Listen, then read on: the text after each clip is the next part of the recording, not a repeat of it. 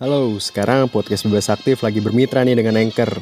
Kalau kalian mau bikin podcast sendiri, Anchor ini platform yang paling enak buat publish dan edit-edit podcast. Apalagi Anchor ini 100% gratis. Lo dengerin podcast Bebas Aktif di Spotify juga karena Anchor punya fitur distribusi podcast ke Spotify dan platform-platform lainnya. Jadi, sekarang adalah waktu paling pas buat lo download Anchor dan bikin podcast lo sendiri. Contextual presents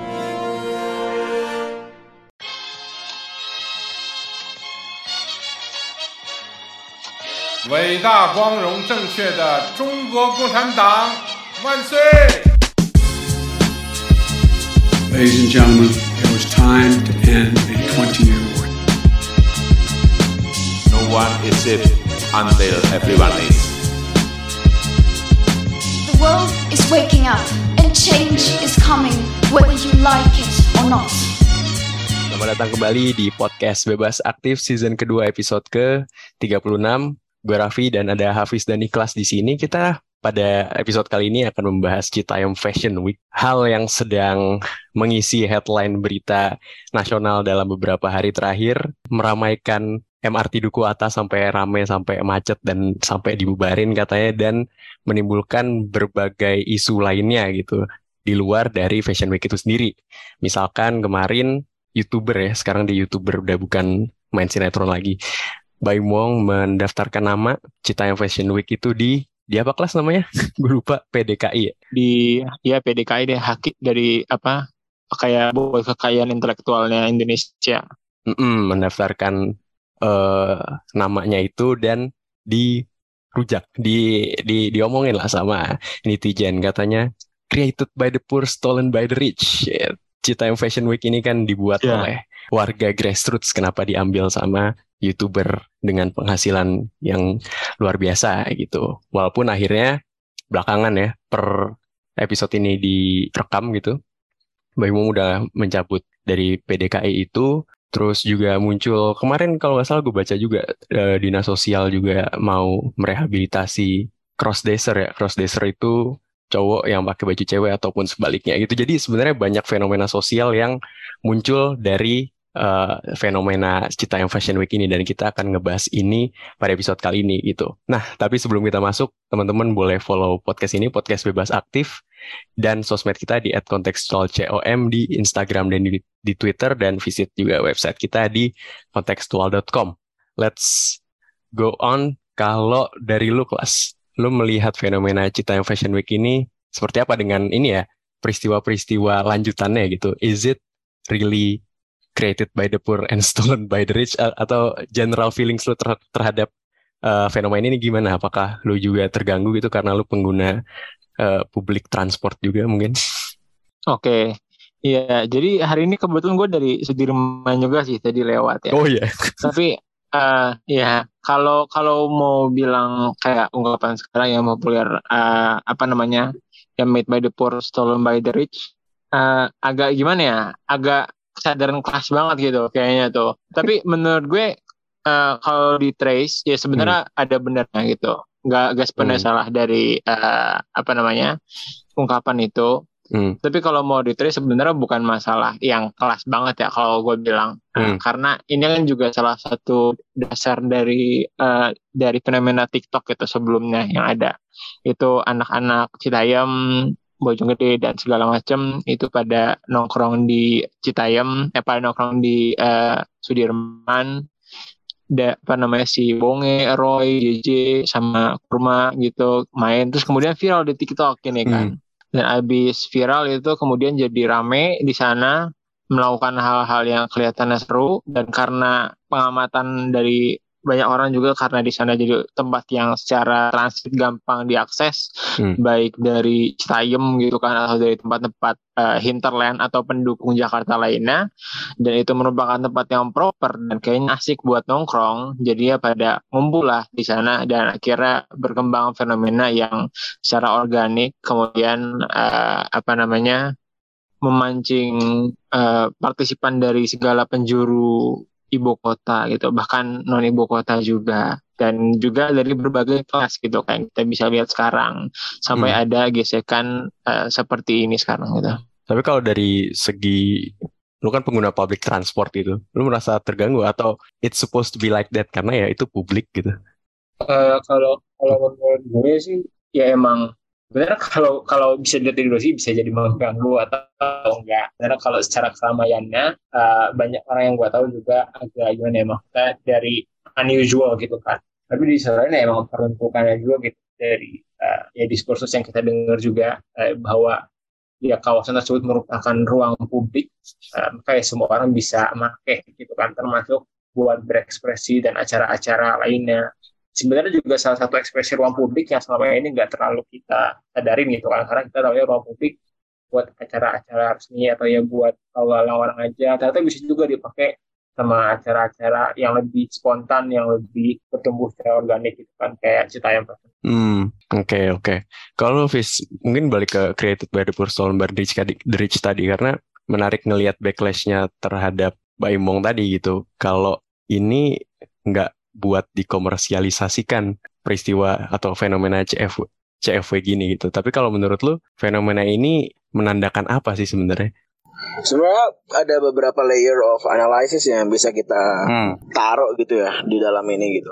Layer layer analisis pertama iya tadi ya mungkin ya yang kalau dulu kan itu kritis ya tapi kan sekarang kayak paling gampang buat kritis. Jadi lo bisa ngomong lah simplifikasi yang over simplifikasi menurut gua uh, created by the poor stolen by the rich. Meskipun itu datang dari um, apa analisis konflik sosial or et, Iya. et cetera, et cetera. Tapi menurut gue itu terlalu oversimplifikasi lah. Karena ada beberapa aspek juga yang perlu diperhatikan ya. Pertama aspek concern bahwa eh, nama tersebut didaftarkan ke apa haki hasil diskusi ya. Meskipun balik lagi ya di dalam diskusi ada kesenjangan power dan segala macam. Relasi kuasa. relasi kuasa. Tapi at least ada konsen di situ. Ya kan? Itu Oke. yang harus paham. Nah kita penting untuk konsen bukannya tiba-tiba kayak gue daftarin ya gitu. Tanpa ada eh, mungkin imbal yang dikasih ke eh, yang tadinya menciptakan soalnya kan ada imbalnya kan Iya. gue baca 500 juta or something or more than that perhaps kalau dihitung juga dengan exposure dan segala macam pasti dong Hmm, Ya kan? hmm. Jadi ada Oke. konsen dalam konsen dalam dalam, dalam haki tersebut. Uh, more than that, mungkin memang pelakunya misalnya, maksudnya pelaku itu kayak bonge gitu ya, atau yang punya istilah itu awalnya, mungkin memang malah bisa menjadikan ini satu satu satu armada mereka gitu. Uh, ini ini berdasarkan analisis gue dulu ya Iya, iya. bukan berarti gue setuju tapi berdasarkan analisis gue ini analisis yang kedua armada mereka untuk me- meresmikan diri mereka gitu sebagai entahlah itu pekerjaan selebgram atau jadi model atau apa gitu kan Hmm. ya dengan dengan nama yang dihakikan gitu mungkin mereka dari yang nggak punya budget or anything untuk melakukan eh, pendaftaran haki gitu sekarang jadi punya gitu karena ada yang mau dan ada yang eh, mampu gitu untuk eh, mendaftarkan hal tersebut which sebenarnya kan beneficial juga. Tapi ya again yang namanya ya media-media macam eh, so asik Apa? ya itu Oh, keren mau sebut nama. Enggak dong. Eh, ya media-media so asik itu kan yang penting headline-nya dulu. Eh, media-media yang nggak punya website itu gitu kan. Eh, Oh, itu. ya. Nggak tahu deh. Intinya kan yang penting di-share di Instastory ya kan. Keren-kerenan dulu headline-nya. Jadi eh, poinnya adalah sebenarnya kita nggak boleh eh, dari itu semua gitu. Poinnya adalah kita ya wait and see lah, wait and see apa yang apa yang sebenarnya dilakukan oleh eh, kedua eh, public figure tersebut gitu ya suami istri. Dan bukannya gua menduk bukannya gua mendukung bisa jadi enggak soalnya. Dan gua nggak mendukung kalau misalnya nggak ada konsen atau misalnya mereka memang merebut segala tapi coba deh look look apa bigger picture-nya gitu. Kalau misalnya nama itu beneran berhasil dipatenkan terus ternyata bisa membawa eh, pendapatan yang lebih sustainable untuk pemilik aslinya gitu. Ya kita juga nggak bisa bilang pemilik asli ya karena kan itu sebenarnya created by the public ya. Again em, ya banyak lah konten kontestasi di dalam penamaan itu. Dan layer yang ketiga mungkin yang yang dan menurut gua apa ya ini penting untuk kita pahami bahwa seberapa lama sih ini bertahan ya Nah, ini udah Iya berapa kan? berapa minggu sih? Berapa hari sih sekarang? dua dua tiga minggu lah ada dua tiga minggu Oh, oke. maksudnya seberapa lama sih Oke, Eh, oke. gua gua gua gua pernah ada di era itu soalnya. Gue Era pernah ada di era di mana Taman Menteng itu lebih rame daripada CBD sama anak-anak shuffle terus ada acara Anjir, anak-anak shuffle. Anak-anak shuffle 2012 dan gue juga jadi penasaran gue pengen ikut-ikut shuffle gitu. Kita ngeliat uh, komunitas pada ngumpul di Yes, uh, taman menteng. Tapi sekarang masih ada nggak komunitas shuffle? Mungkin masih ada tapi apakah serame uh, C- apa serame 2012 of course not gitu kan atau komunitas fiksi. Hmm. Uh, poinnya adalah kita juga jangan menjadi orang yang kayak wah, berapi-api kayak wah this is us this is konflik relasi kuasa or anything ya bisa jadi ini cuma emang gimmick aja gitu dari semuanya. Hmm. gimmick yang mungkin even yang memang punya apa sekarang punya punya nama ya si uh, orang-orang itu gitu yang ada di sana. Karena gue jujur gue, ya gue cuma tahu bunga doang gitu. Gue gak tahu uh, beberapa nama lainnya tapi gue poinnya dari gue itu. Jadi memang layer of analysisnya banyak. Hmm. kita ngomongin relasi kuasa bisa kita ngomongin um, uh, apa istilahnya ya yang lebih kalau gue lihatnya lebih dari sisi libra kalau relasi kuasa kan lebih kayak uh, dari sisi Kritis. ini ya, ini kalau dari libra ya mungkin all parties involved or all parties uh, win-win gitu ya bukan zero sum game tapi apa positif sum game gitu. Ya ya atau malah nggak ada sum game sama sekali. Atau, memang nggak ada nggak ada untungnya sama sekali sebenarnya. Jadi ya gitu gitu Uh, that's that's my uh, point. Nah, nah, ketika ini kan fenomena publik ya, Fis. Ketika itu dikomersialisasikan bukannya it stop being public dan akhirnya menjadi apa ya, mengerucut gitu akhirnya marketnya bukan sesuatu yang komunal lagi. Dan apakah itu ya justru hal yang bagus itu? Coba kita dari kritisnya. Eh, sekarang eh, langkahnya gini Hmm. Kita kita kita berdiskusi pada tatanan asumsi menurut gue. Hmm. Eh, pendaftaran lagi ini oh ini jadi langkah komersialisasi. Ya oke oke oke. Ada ada ada entitas ada ini dan segala macam. Tapi I think haki is a good thing for most of uh, UMKM gitu ya. Mereka Hmm. kalau bisa punya kemampuan untuk bikin haki pasti mereka mau ngehakin apa yang mereka punya nama gitu ya. Hmm. gue gue pernah punya UMKM yang akhirnya bangkrut gitu ya kalau gue punya kemampuan buat menghakikan itu gue akan menghakikan itu gitu. Hmm. sayangnya gue itu nggak punya. Jadi poinnya adalah iya siapa tahu komersialisasi ini malah malah berdampak baik gitu ya. Bagi yang parties involved. Makanya tadi gue bilang ada sisi konsennya nih di dalam di dalam penamaan ini. Pun sisi konsennya ini sebenarnya kan nggak ada yang tahu ya namanya siapa. Ini menurut gue ya ya gak usah mikir jauh-jauh dulu lah. Ini cuman cuman apa cuman ya apa ride ride the wave aja gitu. Tiba-tiba jadi haki dan segala macam. Ya, tapi memang komersialisasi kalau misalnya itu ruang publik yang dikomersialisasi it is it's a bad thing. Uh, Hmm. gue juga gak mendukung gitu. Maksudnya kayak oke nama ini ntar dia jadi apa gitu ya. Dia jadi em, apa punya hak untuk pakai nama ini sedangkan yang di eh, mana di di di di MRT Duku Atas tuh jadi nggak punya nama. Iya bisa lah. Ya tinggal ganti aja nama jadi apa. Emang emang nama itu wajib gitu? Enggak kan? Hmm. nama nama daerah kecil itu nama, nama Citayam itu wajib apa? Enggak kan? Ya can be anything. Can be Kendal Fashion Week can be yang belum ada hakinya mungkin can be apa Bojonggede Fashion Week gitu ya. Hmm. Iya, jadi ya iya once sih, ada itu kan poinnya sebenarnya itu kan konstruksi sosial juga ya. Eh, apa yang disebut sebagai CFW lo mau dukung yang komersialisasinya atau lo mau dukung yang memang grassrootsnya? Kalau lo dukung grassrootsnya mau namanya berubah juga lo akan dukung grassroots ya kan namanya nggak punya makna apa apa Hmm, sebenarnya. Iya, iya sih. Iya kan? Iya, Hmm. nih eh, kayaknya Hafiz agak struggle ya menghadirkan perspektif dari kiri gue lihat. Gue, yang gue yang mendatangkan. Enggak enggak itu emang perspektif gue gue nggak berusaha mengkirikan diri gue sih Cukup ini sebenarnya paham. Dan sebenarnya gue mau klarifikasi kalau menurut gue yang namanya hak kekayaan intelektual Hmm. eh, yang yang itu menjadi apa ya properti gitu kan dari seseorang dan namanya juga kekayaan intelektual itu basically emang dasarnya ya kalau bisa dibilang kapitalis gitu kan ya karena itu jadi aset yang bisa lo pakai lo eh, komersialisasi dan itu jadi eh, konsepnya itu jadi monopoli lo gitu sebenarnya. Private kan. dasarnya. Eh, private. Dan itu itu kemudian ya mungkin itu eh, yang perlu dipahami juga oleh general public meskipun menurut gue kayak general public udah dapet sense-nya gitu kan. Meskipun mungkin belum sepenuhnya paham. Dan dalam konteks itu eh, ya ada ada selalu ada pro dan kontra gitu kan terkait kekayaan intelektual. Dan gue ngeliat eh, apa namanya kontra terbesarnya adalah yang paling ya ini di general public itu ya adalah karena tiba-tiba aja gitu loh. Jadi kekayaan intelektual padahal biasanya ya certain things eh, sebenarnya most things bisa jadi kekayaan intelektual tapi yang dibilang bisa dilihat layak tuh misalnya yang ada butuh investasi besar gitu. Dan kemudian emang hmm. hak apa haki itu menjamin keberlangsungan. Nah, kayak misalnya kalau kita nemuin vaksin atau obat baru itu kan ya most obvious uh, example. Karena meriset buat suatu obat itu butuh miliaran dolar, triliunan dolar yang kalau nggak dijamin bisa aja langsung dikopas sama orang lain gitu kan hakinya gitu. Hmm. Itu emang suatu project yang purposefully dibuat oleh suatu entitas privat gitu, misalnya bikin vaksin, bikin obat. Nah, yang jadi masalah dari CFW ini adalah ya, uh, ya bahwa CFW tadi dia berangkat dari suatu yang tumbuh secara organik gitu ya, dari semuanya. Dan menurut gue kita nggak harus selalu pakai distingsi poor lah ini segala macam karena nama ruang publik semuanya bisa gitu kan. Tapi yang uh, for sure itu organik. Dan gimana ya ya mungkin hmm. kita agak kebingungan juga gitu menurut gue. Menurut gue sih kalau yang daftarin buat haki itu ya ah, emang dari gelagatnya aja udah salah nggak pada tempatnya. Dan nggak ada alasan sebenarnya dari yang di post di IG lah buat memajukan fashion Indonesia bla bla bla. Menurut gue nggak nggak nggak make sense banget.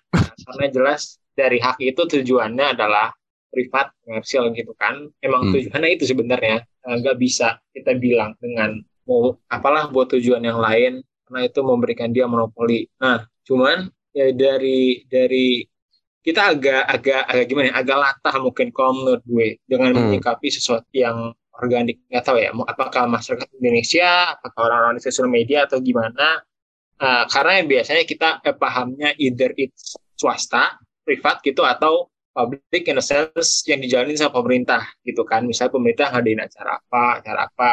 Jadi sekalinya ada sesuatu yang keluar di ada existing uh, outside of those two domains gitu. Jadi kayak kita aneh gitu kan gimana gitu. Nggak nggak biasa.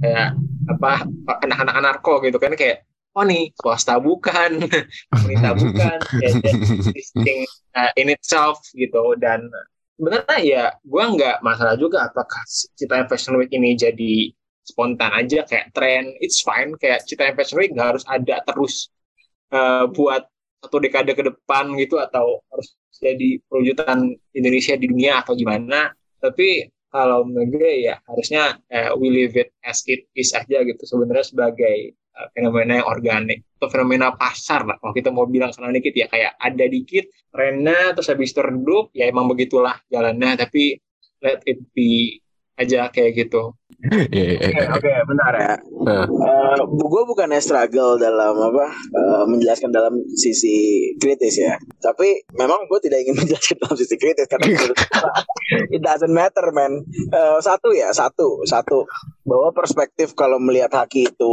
ini jadi ngomongin haki gitu. Tapi maksudnya perspektif dalam melihat haki itu sebagai sesuatu yang hanya menguntungkan pro project miliaran menurut gue itu uh, pikiran yang agak outdated ya kelas. Sorry to say sorry to say. Karena um, hmm. di banyak di banyak wilayah kayak beberapa tempat kerja gue datengin kerjaan utama gue kayak di daerah Ipen Ngawi dan Madiun banyak um, penggiling padi kecil yang um, yang bahkan mereka nggak punya apa kas at, apa kas tertulis gitu ya. Mereka tuh pengen punya pengen punya merek beras sendiri yang akhirnya bisa didaftarkan ke Haki. Kayak jadi di memang banyak pemerintah kabupaten sekarang memfasilitasi hal tersebut dan pendaftaran haki sangat murah. Buat kita ya 800 ribu tapi buat mereka itu juga cukup lumayan lah. Tapi oke okay lah masih masih terjangkau 800 ribu untuk sebuah haki. Jadi poin gue adalah uh, sebenarnya si haki ini bukan bukan lagi menjadi alat. Uh, kita nggak bisa lagi me, menye, menyetarakan bahwa oh pendaftaran haki adalah komersialisasi kelas kelas kakap gitu ya. Uh, malah sekarang di encourage banget untuk uh, UMKM untuk uh, apa uh, pengusaha skala kecil untuk untuk hakikat itu. Tapi kan ini bukan bukan bahasan soal haki ya. Jadi kita ngomongin soal si brandnya sendiri. Nah balik lagi kalau misalnya kita ngomongin brandnya sendiri, jadi lu support grassroots movementnya atau lu support namanya gitu. Oke, okay, memang di dalam nama ada simbol dan segala macam. But when even when it's capitalized, ya you just oke okay, lu kritik aja kayak ya nggak usah lah uh, CV dihakiin. Tapi kalau mau hakiin silahkan. Gue tetap support the grassrootsnya. Gue tetap support orang-orang itu yang ngumpul di di MRT Duku Atas. Mau namanya apa ya gue supportnya mereka gitu kan. Karena balik lagi that name that CFW itu gak, it doesn't mean anything and it will never mean anything kalau bukan dijalankan sama orang-orang yang ada di grassroots tersebut gitu loh. Jadi menurut gue memang kita cuma pengen marah-marah aja gitu. Wah ini ada gini nih kayak kita marah-marahin lu. Hmm. segala macam. Tapi sebenarnya marah lu gak ada, gak ada dampaknya. Karena lu support gak grassroots movementnya? Ada nggak dampak dari yang hidup lu lakukan terhadap grassroots movement tersebut lu baru ada juga paling baru sekarang baru mau nontonin baru pengen lihat baru mau dukung gitu kan. Sedangkan ya mereka udah tiktokan joget-joget dari tahun 2020 dari Pak Juni 2020 setelah pelonggaran uh, PSBB pertama. Jadi uh, my point is my point uh, sebenarnya lu mau marah-marah soal CFW dihakin karena lu marah-marah ada grassroots movement yang dikomersialisasikan. Lu cuma pengen marah-marah doang karena ada orang kaya yang ngambil itu. Kalau lu pengen kalau lu bisa mikir strategis ya udah diamin aja. Nggak usah diomongin, nggak usah di repost instastory yang uh, media-media lebay itu. Terus uh, ya lu support grassroots movement ya lu datang, lu nonton, lu nikmatin. Ya and will it will die someday and uh, it dies um, rightfully gitu ya dengan dengan hormat gitu daripada hmm. daripada kita marah-marah terus gak ada gunanya terus juga lo nggak akan datang either way. Lo nggak akan datang yang dikomersialisasiin. Lo nggak akan dukung juga yang grassroots movement ya jadi emang cuma pengen marah-marah doang. Menurut gua gitu ya jadinya.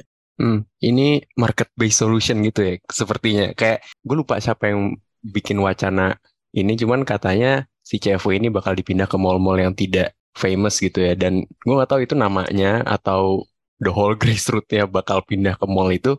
Tapi gue setuju kalau suruh pilih gitu antara nama sama the real grassrootsnya kalau namanya pindah misalnya ke mall-mall yang tidak tidak ramai itu tapi kan orang tetap bisa ngumpul ya di ruang publik. Adalah salahnya adalah ketika ngumpul-ngumpul di ruang publiknya itu dibubarin gitu kan sama yang punya kuasa gitu Fis Paham, betul. Nah makanya sekarang misalnya kayak ada cross dresser di dinsos. Hmm. Apa menurut lu itu hal yang benar gitu dalam freedom of expression? Atau uh, ya gue nggak akan ngambil stand soal ini ya. Tapi maksudnya uh, ya kita, kita banyak isu yang lebih dalam yang harus diperhatikan, yang harus diperjuangkan gitu instead of cuman ngomel-ngomel uh, soal penghakian ini gitu diemin aja tuh orang kaya ntar juga kalau nggak laku juga dia bengong luar biasa oke okay, oke okay, oke okay. tinggal nggak usah dibeli gitu ya nggak nggak usah direspon gitu kalau nggak usah direspon itu market based solution juga kan iya, kalau nggak ada demand kan dari supply-nya juga mati lama-lama iya. oke oke oke menarik menarik Halo, sekarang podcast Bebas Aktif lagi bermitra nih dengan Anchor. Kalau kalian mau bikin podcast sendiri, Anchor ini platform yang paling enak buat publish dan edit-edit podcast. Apalagi Anchor ini 100% gratis. Lo dengerin podcast bebas aktif di Spotify juga karena Anchor punya fitur distribusi podcast ke Spotify dan platform-platform lainnya. Jadi, sekarang adalah waktu paling pas buat lo download Anchor dan bikin podcast lo sendiri.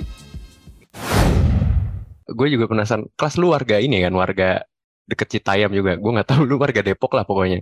Ya lumayan oh. deket sih sebetulnya. Oh ya ya lumayan deket. Nah sebenarnya gue juga penasaran sama akar yang menyebabkan bukan yang menyebabkan yang membuat orang-orang anak-anak muda ini datang ke duku atas gitu dan why particularly duku atas gitu. Apakah ada ini ya? Kalau gue melihatnya mungkin ada keterbatasan keterbatasan ruang publik di rumahnya mereka gitu di tempat tinggal mereka akhirnya mereka memilih untuk ke Jakarta which is gue nggak tahu ya kenapa akhirnya yang dipilih adalah duku atas mungkin karena pusat kota atau deket SCBD gitu cuman kalau dari lu yang merupakan warlock gitu bener nggak kalau gue bilang ada keterbatasan ruang publik di sana yang membuat mereka akhirnya harus ke uh, tengah kota. Ya, jadi kalau menurut gue kalau kita bicara soal ruang publik ini benar-benar uh, topik yang multidimensi ya makanya lo nggak bicara soal aspek sosialnya doang, tapi juga fisik gitu kan. Jadi mungkin perlu ngobrol lah sama orang tata kota atau apa uh, ya, sipil gue kurang tahu gitu.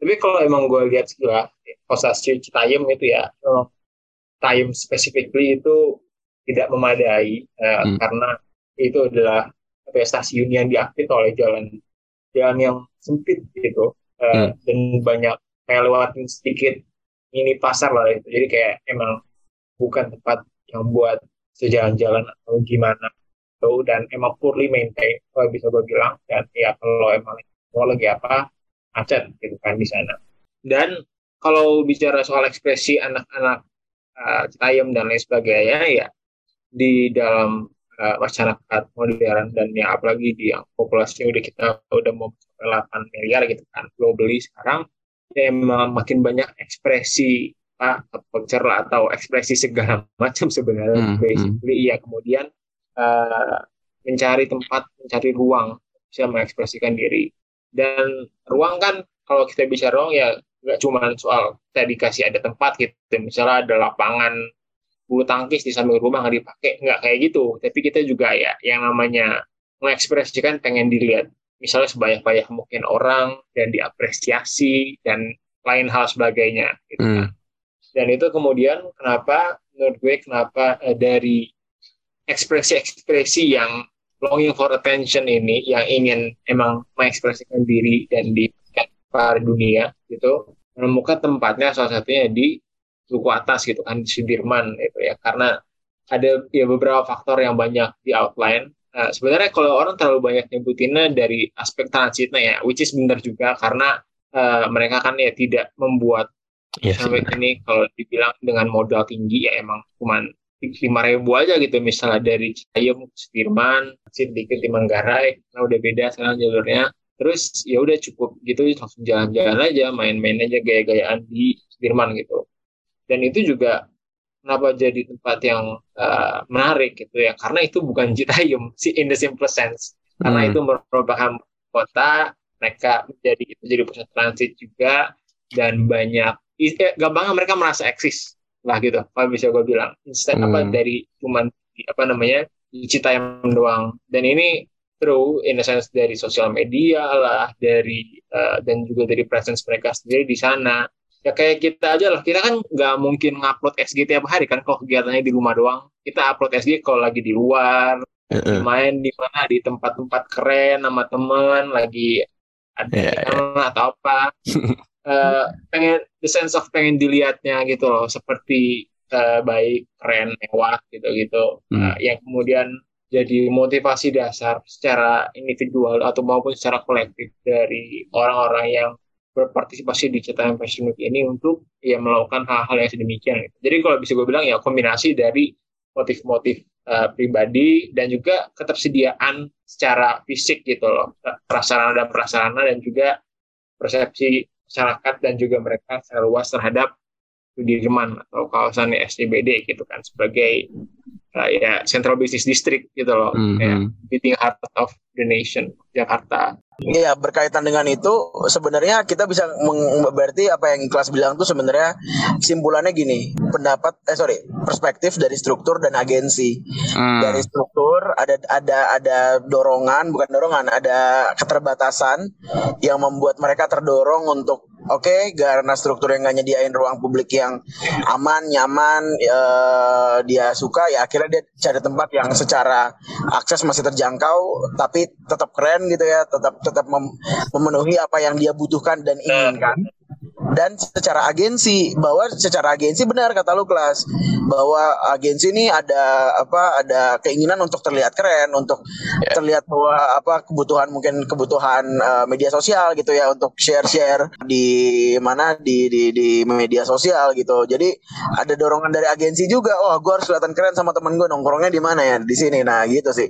Ya memang ada struktur agensi in play lah dalam dalam apa dalam fenomena ini menurut gue dan kalau gue ngeliatnya justru menunjukkan keberhasilan dalam beberapa aspek gitu. Pertama, itu kan benar ya ruang publik gitu dan ya akhirnya beneran digunakan untuk publik, which is transport, uh, transportasi dan ya tadi melakukan berbagai macam kegiatan tadi. Dan kedua tentang ini transportasi gitu. Kalau berarti ya benar accessible dari kita gue nggak tahu tuh sejauh apa, tapi itu jauh kan jauh dan cuman goceng lu nyampe di tengah kota di Central Business District dan bisa melakukan apa pun yang pengen lu lakukan gitu dan sampai saat ini belum ada intervensi yang gimana-gimana gitu dari negara. Ah, menurut gue iya keberhasilan transit oriented development tapi gue akan uh, menyanggah kalau lu bilang uh, rendah intervensi negara bahwa kehadiran TOD ini memang di endorse besar ya oleh pemerintah kita saat ini meskipun konsep TOD-nya masih TOD abal-abal menurut gue tapi konsep TOD ini udah cukup dipromosiin sama pemerintah kita since ya 2014 2016 lah. Hmm. ketika pembangunan MRT apa komuter uh, lain mulai berjalan. Itu sebenarnya kan mulai dibangun tuh. Kalau sekarang kan konsep TOD kan udah mulai agak bagus ya. Ada ada ada apartemen di sekitar stasiun dibangun. Tapi itu semua kan uh, intervensi negaranya besar. Dibangun sama BUMN pun TOD-nya juga semuanya kan uh, diaksesnya kan BUMN dan BUMD gitu ya.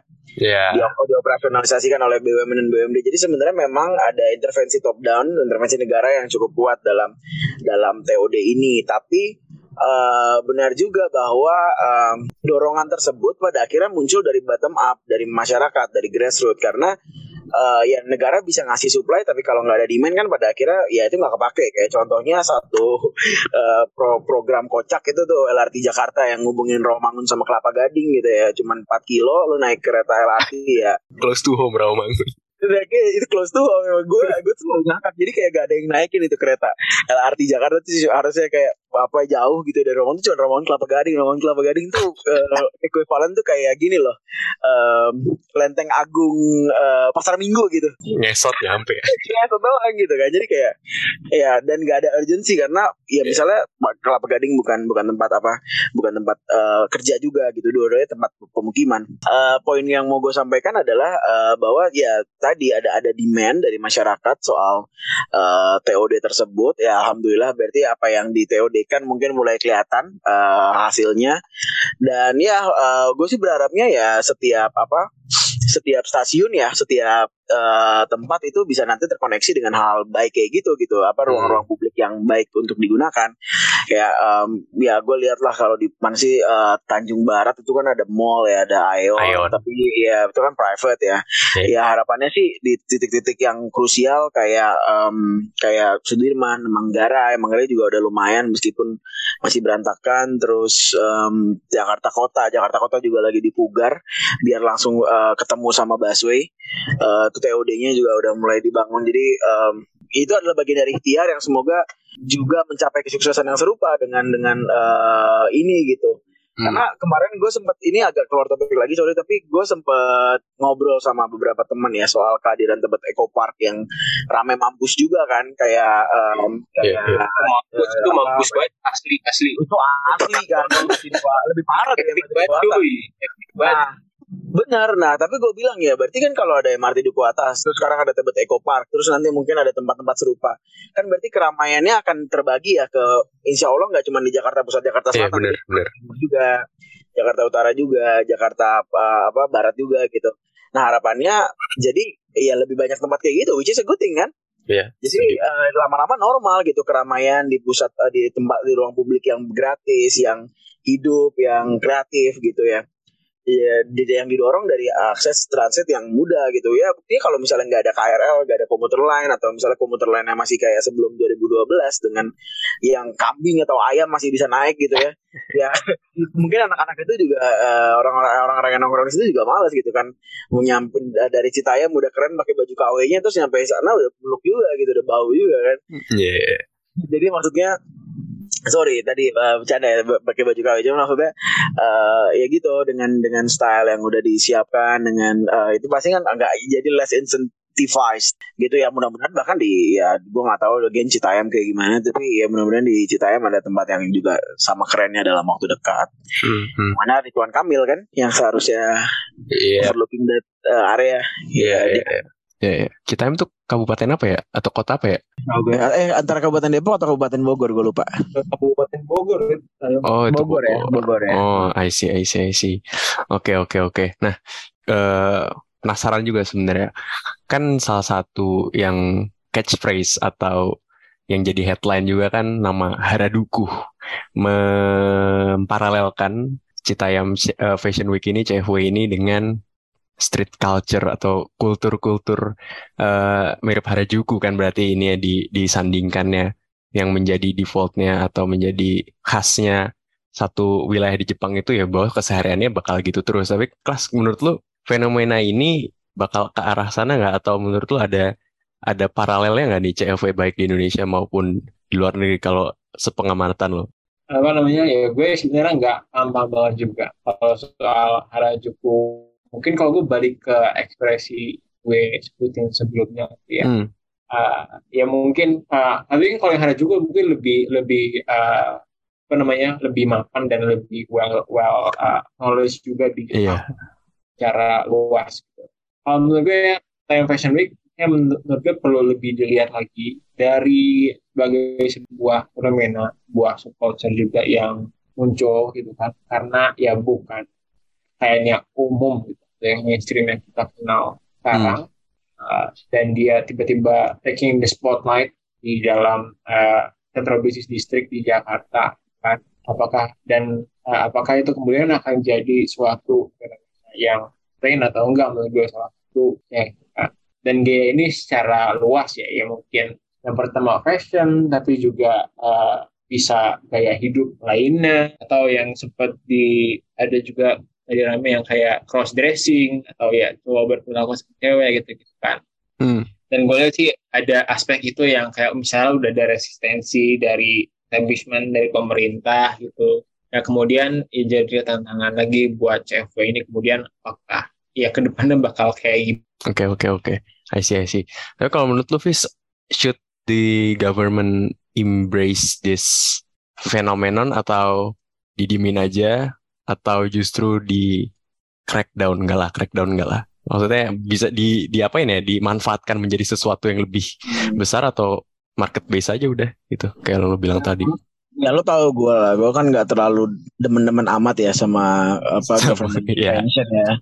Um, ya meskipun tadi gue balik lagi government intervention itu perlu lah untuk mengelola hal yang strategis ya kan kayak transportasi dan sumber daya alam. But then again, um, uh, tadi kan lu ngomong, ngomong nanya juga soal Harajuku ya. Um, hmm. Menurut gue, rootsnya Citayam dan rootsnya Harajuku ini, uh, sorry, ya kalau di compare gitu, hmm. itu akarnya kan emang menurut gue masih belum dalam ya kalau yang uh, rootsnya MRT Duku Atas ini ya. Sepakat. Uh, Arajuku itu punya punya punya dasar bukan soal viral-viralan atau bukan soal apa uh, fashion week or anything gitu. Memang Arajuku ini adalah uh, rootsnya kalau kita mau lihat di daerah Harajuku itu gitu. Uh, I think budaya Takenozoku or something like that gitu di di di daerah Jepang. Mm. Uh, intinya anak-anak muda yang berpakaian nyentrik gitu dengan rambutnya dengan dengan apa dengan um, pakaiannya dan itu yang akhirnya di diincorporate sama budayanya Jepang dalam budaya populer lewat kartun apa tuh yang masquerade gitu ya itu yeah, maksudnya inkorporasi di dalam budaya populernya masyarakat gitu. Sedangkan kan um, ya at least baru dua tiga minggu ini kan tampaknya ya udah ada haki aja orang udah stres gitu kan ya udah gitu palanya. Uh, gue agak khawatir dan kita juga nggak punya budaya street culture yang oke okay ya. Ya mereka pun juga street culture-nya kan masih menggunakan uh, sorry again masih menggunakan pakaian uh, KW gitu ya karena keterbatasan finansial gue tahu gue nggak bisa makanya gue nggak bisa ngeledek atau gue nggak bisa menghina gitu nggak boleh. Karena memang ya kemampuannya mereka untuk berdana seperti itu dengan budget segitu ya nggak ada masalah buat gue hmm. uh, dan itu toh juga dijual secara legal. Cuma maksud gue gini we have to incorporate the gaya gaya berpakaian itu gitu gaya budaya itu ke dalam budaya populer kita sehingga hal tersebut akarnya bukan cuman ah gue mau ke MRT Duku Atas agar viral karena viral atau agar gue tampak um, apa ya intinya mengikuti apa uh, tren the wave gitu tren gitu ya. Tapi lebih ke arah oh memang gue punya uh, sense of belonging terhadap budaya ini gitu. Yeah, budaya fashion week ini dengan pakaian cross dressing lah atau pakaian yang nyentrik lah atau apa. Ini gue memang gue punya sense of belonging terhadap ini gitu.